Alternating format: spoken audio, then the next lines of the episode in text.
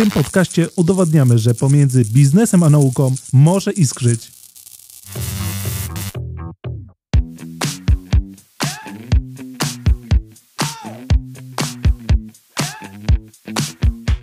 Według danych GUS-u aż 1,8 miliona Polaków zmaga się z dysfunkcją wzroku, w tym 100 tysięcy z nich to osoby całkowicie niewidome.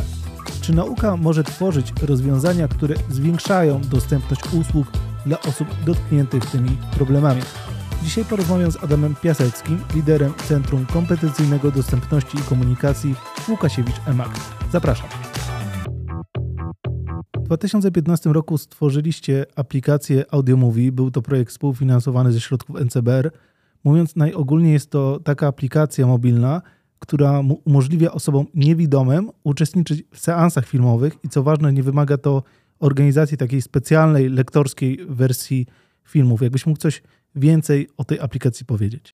E, aplikacja AudioMovie faktycznie pierwotnie powstała jako takie rozwiązanie dla osób e, niewidomych, żeby mogły e, korzystać z kina i to w ramach takich seansów repertuarowych, właśnie niekoniecznie seansów specjalnie organizowanych, seansów bezpłatnych, tylko żeby na normalny seans mogli pójść widzowie, kupić bilet i w tym seansie uczestniczyć ale też w taki sposób, żeby nie przeszkadzało to innym widzom, czyli korzystają ze swojego urządzenia, ze swojego telefonu, ze słuchawkami, e, z aplikacji Audio Movie, e, no i w czasie seansu, w którym są inni widzowie, e, korzystają z tych alternatywnych ścieżek dźwiękowych.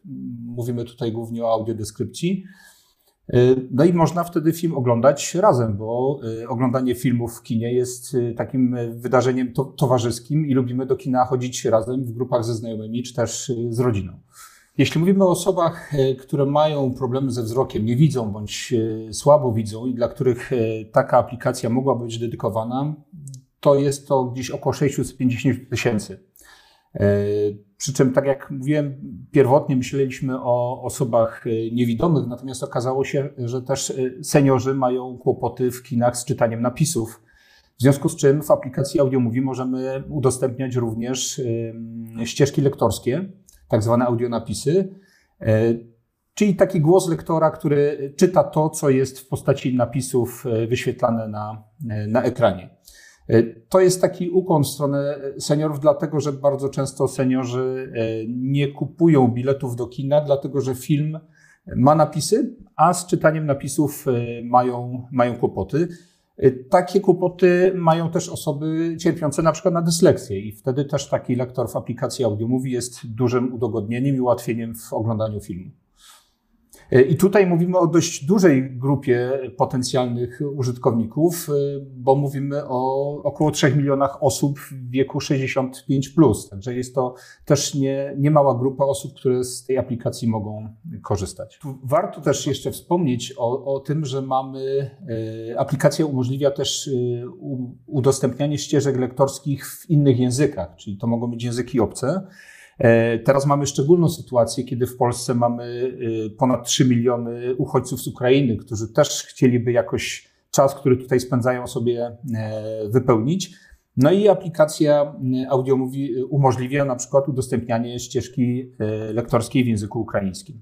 I takie, takie filmy też z ukraińską ścieżką w AudioMovie graliśmy. Bo właśnie mówiłeś o tym też sposobie jakby korzystania z tej aplikacji, o tym takim wspólnotowym wymiarze uczestniczenia w czymś, czym y, jest film e, i konsumowania go wspólnie razem z osobami, które no, mają jakąś tam dysfunkcjonalność, ale osobami też, które tej dysfunkcjonalności nie mają. E, I chciałbym się zapytać o to, jak to działa, bo wiem, że Wam też zależało na tym, żeby to nie było tak, że właśnie robimy takie specjalne seanse dla osób z tymi niedoskonałościami, jakimiś, yy, jakimiś niepełnosprawnościami, E, tylko chodziło o to, żeby taka osoba mogła pójść z osobą, która takich problemów nie ma i właśnie siedzieć razem na jednym seansie i wspólnie z tego korzystać. No i tu od razu się pojawia taka pyta takie pytanie o to, ile tych seansów jest dostępnych, e, z jakby z kim współpracujecie, z jakimi, z jakimi kinami, bo to już od kilku lat też widziałem na waszej stronie, że często macie takie współpracę e, z festiwalami filmowymi, więc to też nie są tylko takie normalne seanse, ale jakieś takie właśnie E, powiedzmy festiwale, których tych filmów jest więcej. Festiwale są na pewno świetną okazją, żeby z takiej aplikacji skorzystać. Dzięki temu mogą te festiwale być też bardziej dostępne dla widzów ale mm, naszym głównym celem było to, żeby seanse kinowe, e, takie, takie zwykłe, były seansami e, dostępnymi. E, w tej chwili mamy kilkanaście kin w Polsce, które korzystają z aplikacji AudioMovie. Liczba tych kin rośnie i nie ukrywam, że pomaga nam w tym ustawa o dostępności, która swoimi zapisami dotyka w szczególności kina w, w domach kultury, w ośrodkach kultury, E, które podlegają e, samorządom, ale również kina e, takie studyjne, które, które są prywatnymi kinami, są zainteresowane zwiększeniem liczby widzów, dlatego że tych widzów niestety przez pandemię w kinach ubyło i to jest generalnie problem kin, problem, z którym kina dzisiaj w Polsce się borykają. Jeżeli chodzi o, o w ogóle dostępność takiego zasobu, jakim jest audiodeskrypcja, e, to tutaj sytuacja wygląda różnie w zależności od e, filmów, e, z którymi mamy do czynienia. Jeżeli chodzi o filmy polskie, które są dofinansowane przez Polski Instytut Sztuki Filmowej, to ta audiodeskrypcja powstaje, ponieważ jest jednym z warunków dofinansowania filmu przez PISF. Y, jeżeli chodzi o filmy zagraniczne, no to to pozostaje już w gestii e, dystrybutora, czy taki e, content y, powstanie, czy, czy dystrybutor zdecyduje się na niego e, wyłożyć środki. Tu niezwykle ważne jest to, żeby informacja z kin, które mają takich widzów, które, którzy pytają o, o takie alternatywne ścieżki dźwiękowe, żeby ona do dystrybutorów docierała, żeby żeby ta świadomość, że tacy widzowie, którzy tego kontentu potrzebują, są, żeby ta, ta informacja dotarła do, do dystrybutorów. Natomiast staramy się, żeby aplikacja była e, możliwie najprostsza e, w obsłudze, e, między innymi ze względu na to, że korzystają z niej osoby niewidzące bądź seniorzy.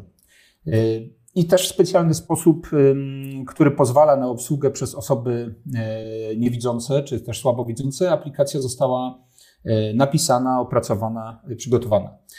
To, co jest najważniejsze, to właśnie ten, te alternatywne ścieżki dźwiękowe. AudioMiv powstało jako takie zintegrowane rozwiązanie, które zawiera w sobie i elementy techniczne, ale też takie elementy o charakterze organizacyjno-prawnym. E, bardzo zależało nam na tym, żeby audiodeskrypcja e, czy też ścieżki lektorskie, które pojawiają się w AudioMovie, w naszej bibliotece e, zasobów, żeby była audiodeskrypcją legalną. Do tej pory często było tak, że w ramach tak zwanego dozwolonego użytku na potrzeby różnych pokazów specjalnych takie audiodeskrypcje powstawały. Były wyświetlane raz, może dwa razy, gdzieś tam znikały w szufladach Mm, albo w jakimś takim e, obiegu mniej e, sformalizowanym, gdzieś tam się jeszcze e, pojawiały.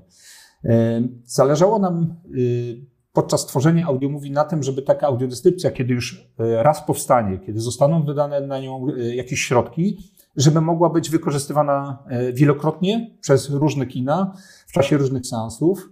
E, tu bardzo często mamy do czynienia z taką sytuacją, e, gdzie kina studyjne wracają do starszych tytułów, organizując sobie takie e, pokazy dla widzów, takie o charakterze retro bądź, bądź, bądź jakimś charakterze sentymentalnym, tak wracają stare tytuły i wtedy można wielokrotnie z tych zasobów z naszej biblioteki korzystać.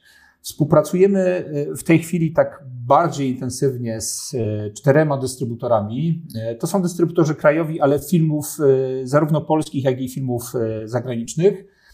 Staramy się, żeby ta liczba dystrybutorów, którzy mm, będą z nami współpracować, była jak największa po to, żeby jak największy był zasób w tej naszej bibliotece, z której widzowie będą mogli w kinach y, korzystać. Chciałem też y, zapytać o, o to, co wy robicie w zakresie dostępności, bo to nie jest tak, że wy robicie w Łukasiewicz EMAG wyłącznie y, tą aplikację AudioMovie.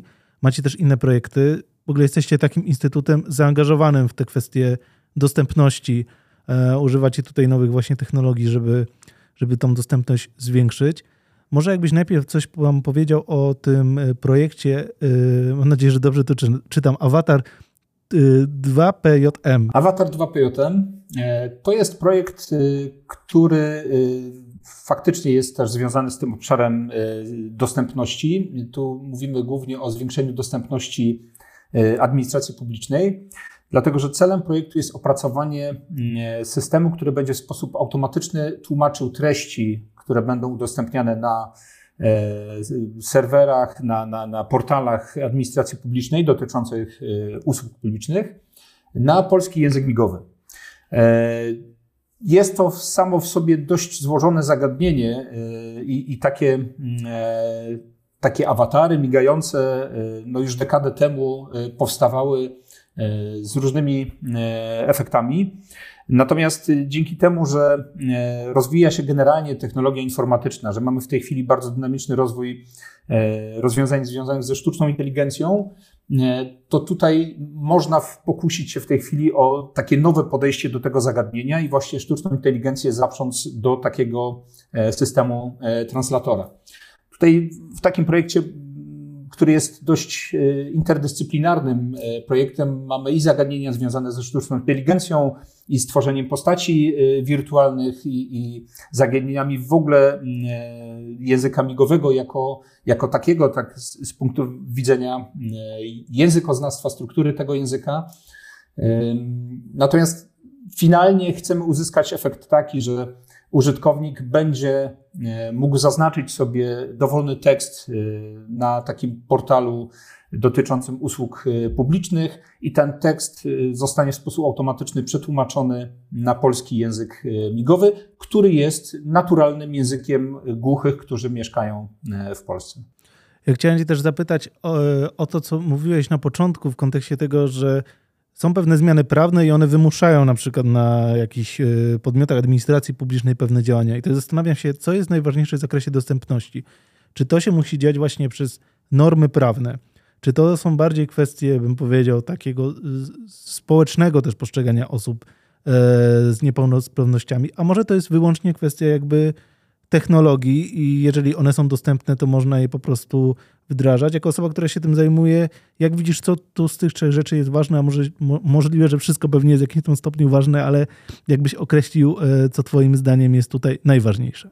Znaczy, na pewno na przestrzeni tej dekady, kiedy e, w Instytucie opracowujemy rozwiązania na rzecz dostępności, e, po pierwsze, widać zmiany, które następują w społeczeństwie. To znaczy, my coraz większą uwagę zwracamy na to, żeby przestrzeń której żyjemy, była dostępna dla wszystkich. Mamy coraz większą wrażliwość na, na potrzeby osób, które no dzisiaj nazywane są osoby, osobami o specjalnych potrzebach. Tak?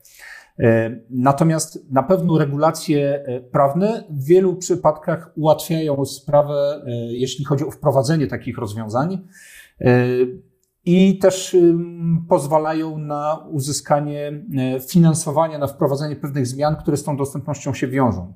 Natomiast tutaj ważne jest, żeby y, patrzeć na dostępność jako na taki element, który pojawia się już na początku projektowania rozwiązań, a nie y, na ostatnim etapie, a to teraz coś dostosujmy, bo, bo, bo przydałoby się, żeby to było dostępne dla osób o takich, takich czy innych e, potrzebach. W związku z czym warto o tym myśleć mm, już na etapie projektowania. My zwracaliśmy zawsze w naszych projektach uwagę na to, żeby użytkowników, dla których rozwiązania opracowujemy, włączać w etap projektowania już na samym początku. To takie projektowanie uczestniczące było dla nas bardzo ważne, żeby nie, nie okazało się, że e, inżynierowie coś wymyślili, natomiast użytkownicy tego nie potrzebują albo potrzebują czegoś innego. E, takich projektów mnóstwo było realizowanych i, i, i niestety ich E, historia ich życia pokazuje, że, e, że właśnie przez te błędy popełnione na etapie projektowania one niestety nie miały zbyt, e, zbyt długiego swojego życia i, i nie znalazły zastosowania w praktyce, więc to, to projektowanie tutaj z użytkownikami przyszłymi jest, jest bardzo ważne. Tak, i, i to staramy, staramy się, y, się robić i, i, też jakby to, jak odbierane są nasze rozwiązania przez, y, przez użytkowników, y, pokazuje, że to jest właściwa droga.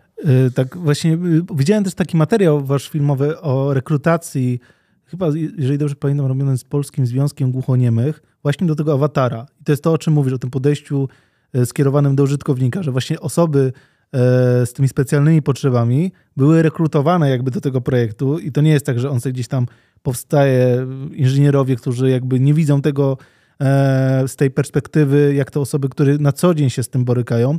Też przyszedł mi taki do głowy przykład, który pamiętam z jakiejś właśnie audycji. Tam była opowieść o, o tym, że w Stanach Zjednoczonych są bardzo modne takie bankomaty, e, trochę wiesz, jak, e, jak McDrive, że podjeżdżasz samochodem i one są niżej ustawione i tak dalej. Ktoś opowiedział, że tam na tych bankomatach e, jest tabliczka Braille'a na cyfrach. I ktoś powiedział, że to jest absurd, nie? A z drugiej strony ta osoba, która opowiada o tym przykładzie, mówiła, że właśnie to jest to dobre projektowanie. Bo jeżeli robisz wszystkie te klawiatury w taki sposób, to, to też obniża cenę tego, nie? I staje się to pewnym standardem. I nawet w sytuacji, w której te osoby niepełnosprawne tego no, nie użyją, bo nie podjadą tym samochodem, to cena tego spada i jakby nie zastanawiasz się nad tym, czy to wprowadzać w takim rozwiązaniu, czy innym, tylko po prostu jest to dla ciebie normalne. Czy to jest też takie jakby właśnie bardziej uniwersalne podejście do tego projektowania, że my jakby zakładamy, że ta osoba ze specjalnymi potrzebami będzie. A czy tu, tu mówimy o, o czymś takim, Mówimy tutaj o czymś takim jak projektowanie uniwersalne właśnie, e, czyli nie opracowujemy specjalnych rozwiązań dla specjalnej grupy użytkowników. Projektujemy rozwiązanie tak, żeby ono było dostępne dla wszystkich w taki sposób, jaki jest im potrzebny, tak? To znaczy, e, żeby interfejs użytkownika był opracowany w taki sposób, żeby w tym, w tym samym czasie z tego samego zasobu mogli e, korzystać wszyscy użytkownicy, i nie wymagało to jakichś specjalnych y, działań, takich nazwijmy postprodukcyjnych, tak, dostosowania, y, tylko to właśnie już na etapie projektowania y, bierze się pod uwagę. Tak, tutaj te wspomniane, wspomniane badania, które, które prowadziliśmy przy pomocy mm, Polskiego Związku Głuchych, to też ważnym elementem tego projektu Awatara 2PJM E, jest, e, są takie elementy mm, diagnozy społecznej. To znaczy, my też e, diagnozujemy, jakie są przeszkody w, w kontakcie z administracją publiczną, chociażby dla osób głuchych, ale też jakie są problemy w zwiększeniu aktywizacji zawodowej takich osób. I i też w jaki sposób takie rozwiązanie, jakim jest migający awatar, E, zmniejszy te bariery, czy też e, wpłynie na wzrost tego, tego zaangażowania głuchych na rynku pracy. E, to są takie elementy, które też pozwolą później osadzić to rozwiązanie w konkretnych realiach i, w konkretnych zastosowaniach, no tak, żeby też efekt, który, który przy użyciu takiego rozwiązania da się uzyskać, był jak najlepszy. I, i, i to też, też na to liczy kancelaria prezesa Rady Ministrów, która ten projekt yy, zamówiła, na który my realizujemy. To może na koniec naszej rozmowy, czy macie jakieś plany yy, na ten rok 2023, jeżeli chodzi o takie projekty w zakresie dostępności? Może jesteście nawet na etapie pisania jakichś projektów, czy, czy, czy to jeszcze nie ten moment, żebyś, żebyś o tym opowiadał? Plany takie mamy zawsze. E, nasze głowy już wtedy są, są pełne pomysłów e, na realizację takich projektów, ale nie, nie o wszystkich chciałbym w, e, w tej chwili na pewno mówić. Natomiast na pewno ciekawym projektem jest projekt, który kończymy teraz też z rokiem 2022. To jest projekt powiązany w pewnym sensie z, z projektem Awatara. Y, dlatego że to jest projekt y, na opracowanie y, dostępnych ankiet dla osób głuchych, czyli narzędzia, które mm, osobom nie posiadającym umiejętności informatycznych będzie pozwalało na budowanie ankiet, które będą oprócz tekstu zawierały również nagrania w polskim języku migowym, tak żeby ankiety te były zrozumiałe dla osób głuchych, osób posługujących się polskim językiem E, migowym. E, ten projekt realizujemy w ramach takiego programu e, Dobre Innowacje, finansowanego przez Inkubatory Innowacji Społecznych. I takie rozwiązanie też wykorzystaliśmy w badaniach wśród osób głuchych w projekcie Avatar, dzięki czemu zwrot formularzy ankietowych, które elektronicznie zostały udostępnione, E, no był nieporównywalnie wyższy z takimi typowymi formularzami ankietowymi, które do tej pory były e, wykorzystywane, co wskazuje na e, potrzebę takiego narzędzia, no i na jego skuteczność w działaniu. dzięki za rozmowę. Dzisiaj się też dowiedzieliśmy bardzo dużo właśnie o potrzebach z tymi, o osobach ze specjalnymi potrzebami. To też e, dla mnie to też jest ważne, bo trochę inaczej będę językowo do tego podchodził. Więc fajnie też, że na to zwróciłeś uwagę. No i życzę powodzenia w wszystkich projektach, które realizujecie w Łukasiewicz EMAG, bo to są fajne rzeczy, które no, są po prostu robione dla, dla społeczeństwa w dużej mierze. Tak jest i największą przyjemnością jest to, kiedy widzimy, że te rozwiązania, które opracowujemy, są faktycznie przez e, użytkowników, przez to społeczeństwo wykorzystywane. To chyba jest największa radość dla badacza.